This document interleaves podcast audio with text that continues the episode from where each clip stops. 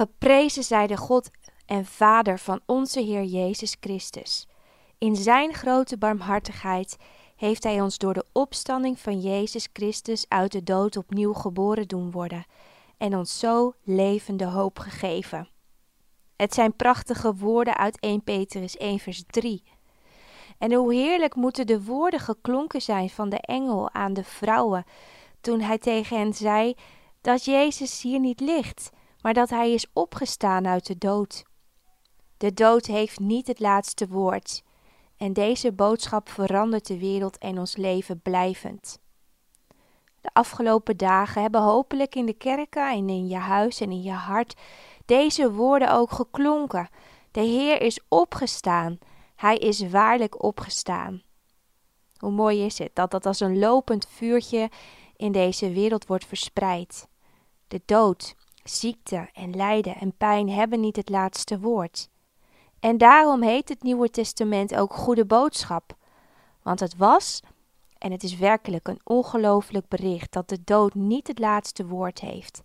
En dat ons leven gewoonweg niet eindigt in die zwarte, donkere dood, die op dit moment nog zo angstaanjagend kan zijn voor zoveel mensen.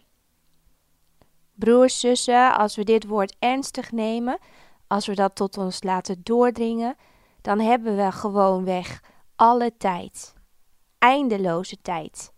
Dan hoeven we niet alles in deze 50, 60, 70, 80 jaren te proppen die we hier op aarde uh, lopen, zijn. Nee, wij hebben het heerlijke vooruitzicht van het eeuwige leven. In de kerken staan nu nog kruisen. Maar ook het kruis verschijnt dan in een ander licht.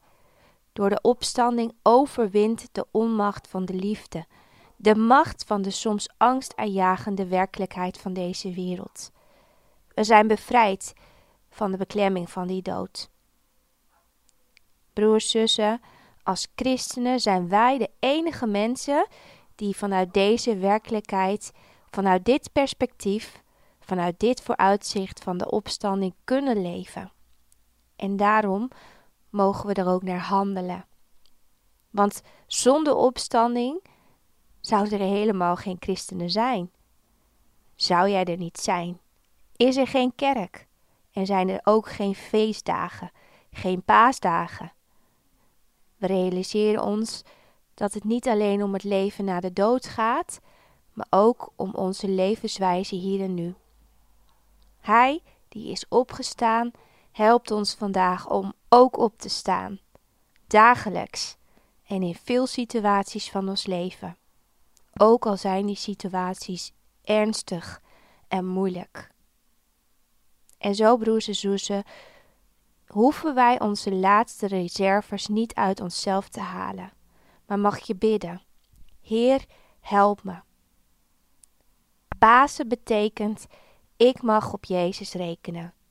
Vandaag, morgen en alle dagen tot in de eeuwigheid.